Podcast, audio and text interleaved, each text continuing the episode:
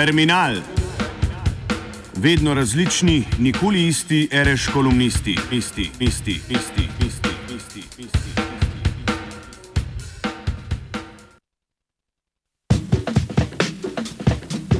Pandemoninja. Govoriti v času pandemije o temi vseh ali obrati smer proti toku, biti sredi meteža ali nad njim, se postaviti v položaj enega proti vsem ali poskušati postati človek brez posebnosti. Kakršnemu koli odgovoru na ta vprašanja je mogoče ogovarjati, celo prepričljivo.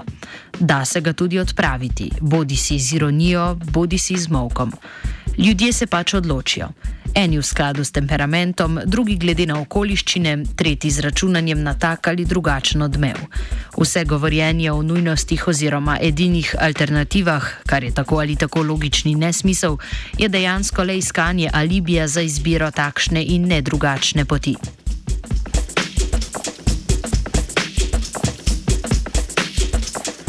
Tu se ne bomo poskušali izmikati.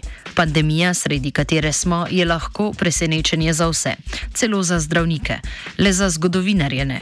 Že nekaj let se historiki na različnih povdnevnikih intenzivno ukvarjajo z vplivom velikih izbruhov nalezljivih bolezni na življenje v posameznih dobah. Miša Majer, ki je postal v znanstvenem svetu razupit zaradi utihotapljenja gesla o izmišljenem rojstvu nogometa v grško-rimski dobi v enega najbolj cenjenih leksikonov antike, je prispeval obsežno študijo o težavnem življenju v času cesarja Justinijana.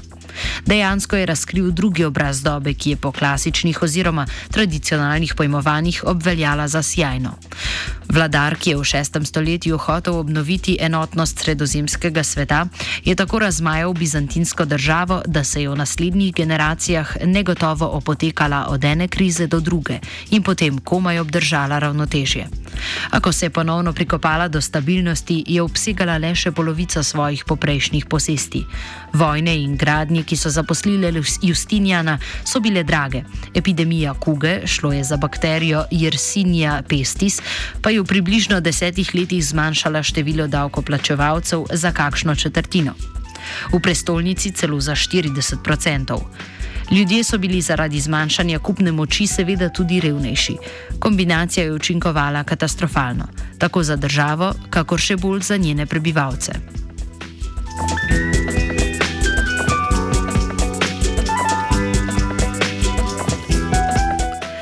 Kyle Harper se je posvetil povezavam med zatonom rimske države in velikimi epidemijami. Medtem ko je sredozemskemu imperiju uspelo nadomestiti izgube prebivalstva v času Antoninske in Ciprijanske kuge v drugem oziroma tretjem stoletju, je njuna justinijanska naslednica vodila v zaton. Uganka, zakaj prvi dve od omenjenih velikih epidemij nista povzročili podobne katastrofe, je vsaj na prvi pogled nerešljiva, saj bolezni nista dosegli viška v politično neproblematičnih časih. Doba Marka Aurelija je prinesla precej težavne vojaške preizkušnje. Na to je sledila še katastrofalna komodova vladavina. Antoninska kuga, ki je odnesla okoli 15% prebivalstva rimske države, je bila dejansko obvladana v naslednji generaciji, ko so se zaradi široke podelitve državljanstva prebivalcem imperija strani cesarja Karakale povečali davčni prilivi. Navidezno sjajen emancipacijski akt je imel, kakor je opozoril že vladarjev sodobnik, konzul, senator in zgodovinar Kasi Dion, zelo praktično ozadje. Račun se je išel. Cesar se je očitno zavedal spremenjene realnosti.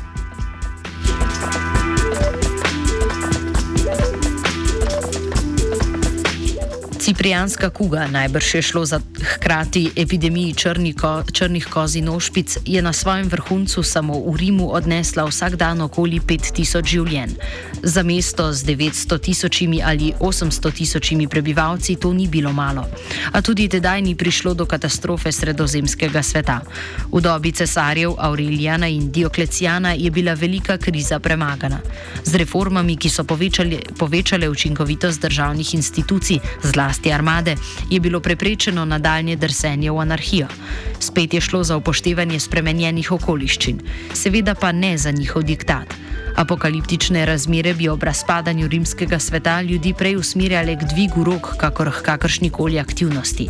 A imperiju, ki se je prvi soočil z resnim se secesionizmom v Galiji, Siriji, Egiptu, Arabiji in Mali Aziji, se je vendarle uspelo zakrpati.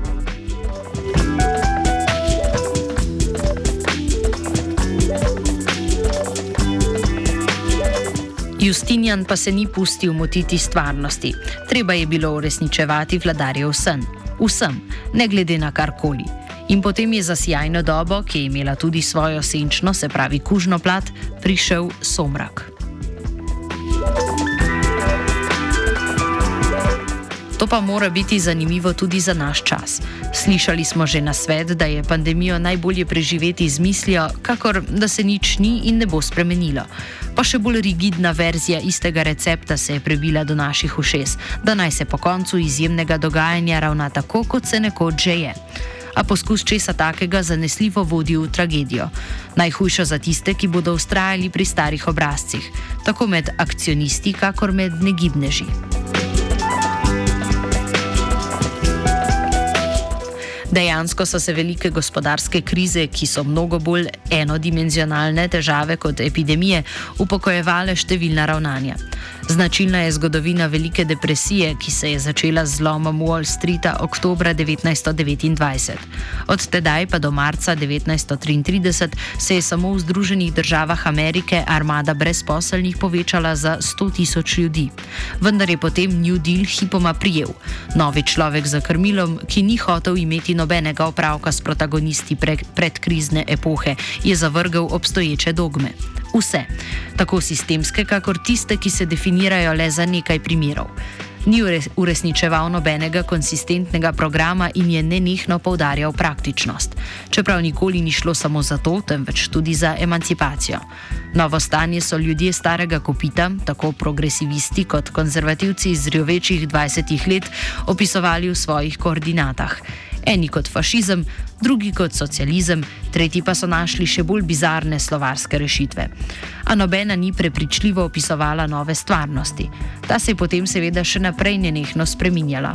Čeprav zgodovina ne nudi receptov, pa vendarle nenehno opozarja na pomen stvarnosti, tudi v zamislih prihodnosti. Stare koordinate in izhodišča odgovarjajo na probleme nekdanjosti celo pri vizijah. Tudi najbolj realistična domišljija, znanstvena fantastika 19. in začetka 20. stoletja, je ob uresničljivih zamislih poznala vrsto nemogočih. Da nimo plovbo v globini 20 tisoč mil ali pa potovanje v središče Zemlje. Je s političnimi vizijami lahko drugače? Se ne bo treba tudi pri njih bolj potruditi in se ne zatekati k že definiranim zamislim, ki bi ne mara lahko rešile včerajšnji, včerajšnji svet, pa ga vendarle niso? To je zdaj, v času pandemije, vprašanje.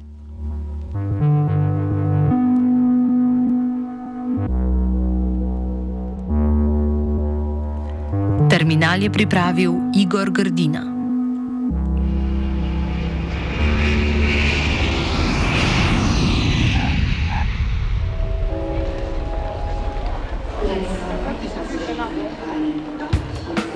Terminal vedno različni, nikoli isti, ereš kolumnisti, isti, isti, isti. isti.